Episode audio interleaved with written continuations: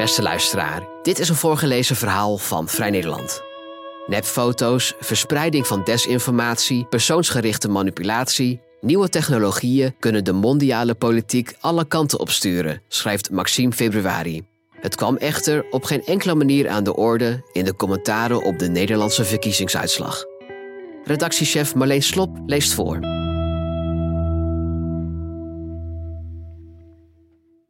Er zijn spannender levens dan dat van de krantenlezer. Er zijn geheimagenten die buitenlandse kerncentrales ontregelen met een USB-stick. Er zijn cybertopmannen die hacken. Er zijn oud-parlementariërs die als stroomman werken voor vreemde mogendheden. In vergelijking daarmee leeft de gemiddelde krantenlezer het leven van den nuttelozen toeschouwer, zoals Louis Couperus dat ooit noemde. Vanaf de bank volg ik als nutteloze toeschouwer het wereldnieuws. Ik lees krantenberichten en trek er lijnen doorheen. Echte expertise kun je de opgedane kennis niet noemen, maar ik verbaas me ergens over en dat is een begin. Als ik het me goed herinner, begon de verbazing vorig jaar, toen ik berichten las over een spion en me afvroeg waarom we bij het duiden van de Nederlandse verkiezingen zo weinig aandacht besteden aan de invloed van het buitenland op onze binnenlandse politiek. In december 2023 schreven de Financial Times, Le Monde en Der Spiegel dat Frank Krijlman, voormalig parlementslid van Vlaams Belang, jarenlang voor de Chinese staatsveiligheidsdienst had gewerkt. Dat was gebleken uit gelekte sms- en chatberichten. Frank Krijlman had als stroomman de opdracht Vlaamse discussies ten gunste van China te beïnvloeden. Hij moest uitspraken doen om Vlaamse wetenschappers in discrediet te brengen en hij werd geacht de Amerikaans-Europese relaties te bemoeilijken. Steven Krijlman werd genoemd in de gelekte berichten van zijn broer Frank. Vlaams Belang wipte hem daarom in december als voorzitter van de Kamercommissie Leger aankopen. Vervolgens doken uit de gelekte berichten nog meer namen op van prominente politici van Vlaams Belang. Bovendien bleken de sporen ook naar de Duitse partij AFD te leiden, schreef Der Spiegel.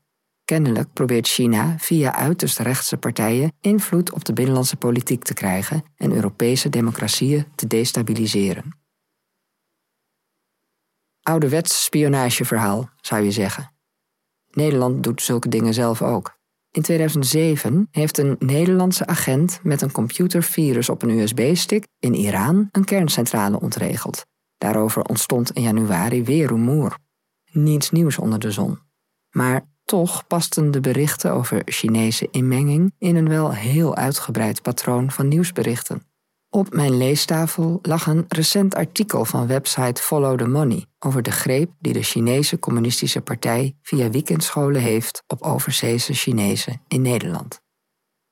Daaronder lag een rapport van Klingendaal uit 2020, genaamd China's invloed op onderwijs in Nederland. Dat rapport laat zien hoe sterk de bemoeienis is van China met onderwijs en wetenschap. Daarnaast een bericht uit 2022 over een onderzoeksinstituut van de Vrije Universiteit in Amsterdam, nota bene, dat met geld uit China de Chinese visie op de mensenrechten had uitgedragen. De knipsels stapelden zich op. Berichten over beïnvloeding, berichten over waarschuwingen tegen beïnvloeding. In november knipte ik een artikel uit over een Chinese hackersgroep die ruim twee jaar lang in het computernetwerk van de Nederlandse chipfabrikant NXP rondneuste en daar mailboxen leegde en chipontwerpen stal. Als nutteloze toeschouwer begon ik te beseffen dat er zowel technisch als sociaal en politiek volop wordt gehackt. Het buitenland dringt zowel onze computers binnen als onze kennisinstituten, onze politieke partijen en onze discussies. Nou kon je denken dat spionage al zo oud is als de wereld en dat nationale politiek altijd al vanuit de verte is beïnvloed. En dat is ook zo. Maar het probleem is met de opkomst van informatie- en communicatietechnologie wel angstaanjagend sterk toegenomen. Pas in het verkiezingsjaar 2024 op voor botshit, luidde de kop boven een opiniestuk in de NRC aan het begin van het jaar. Een deskundige van het Verkenningsinstituut Nieuwe Technologie van IT-dienstverlener Society waarschuwde dat AI-gegenereerde nepinformatie het stemproces dreigt te verstoren.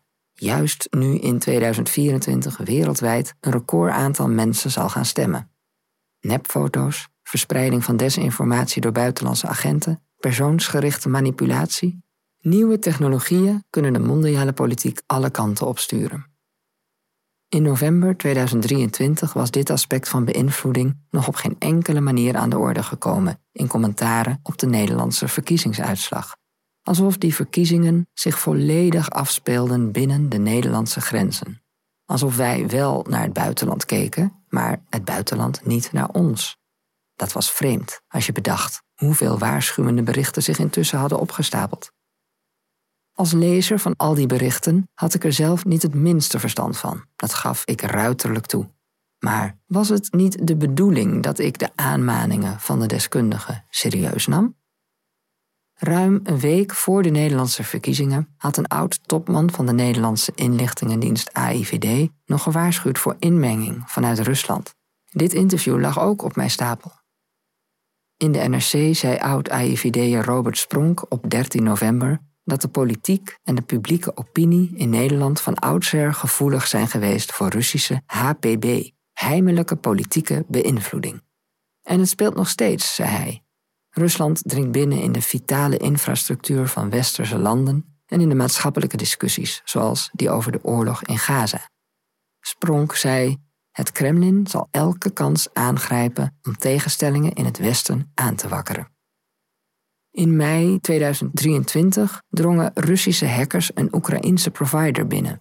In december legden ze de communicatie in het land een week lang grotendeels plat. De Volkskrant op 4 januari 2024 liet een Oekraïense expert van de Veiligheidsdienst aan het woord, die deze Russische hack een waarschuwing noemde voor het hele Westen.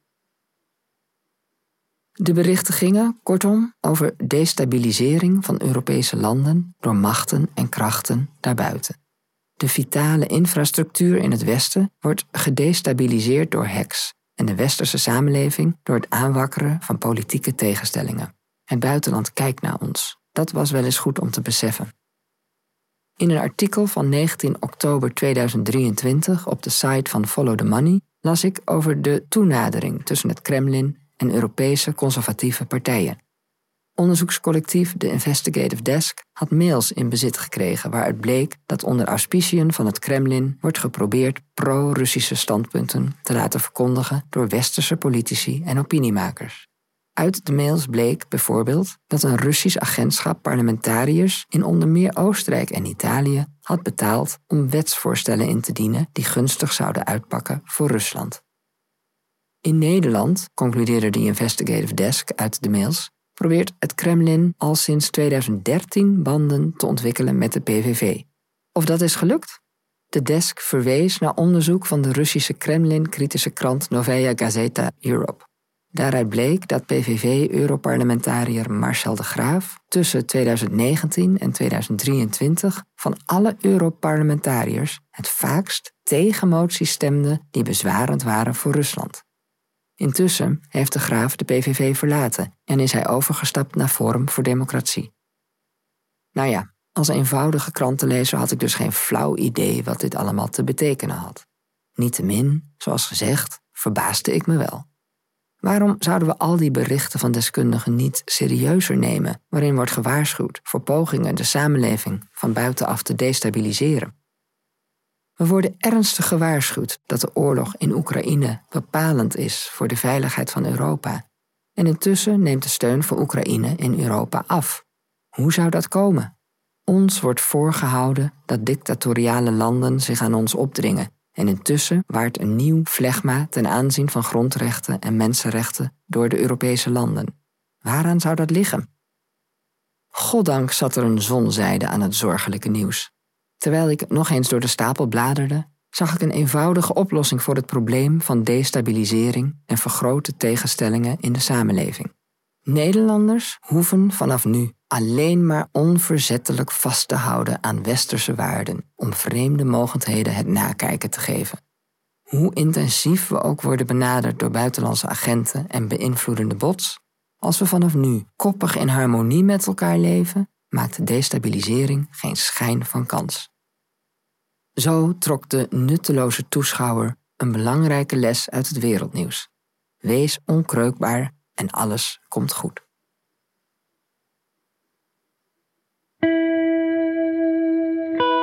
Wil je meer verhalen van ons lezen of beluisteren?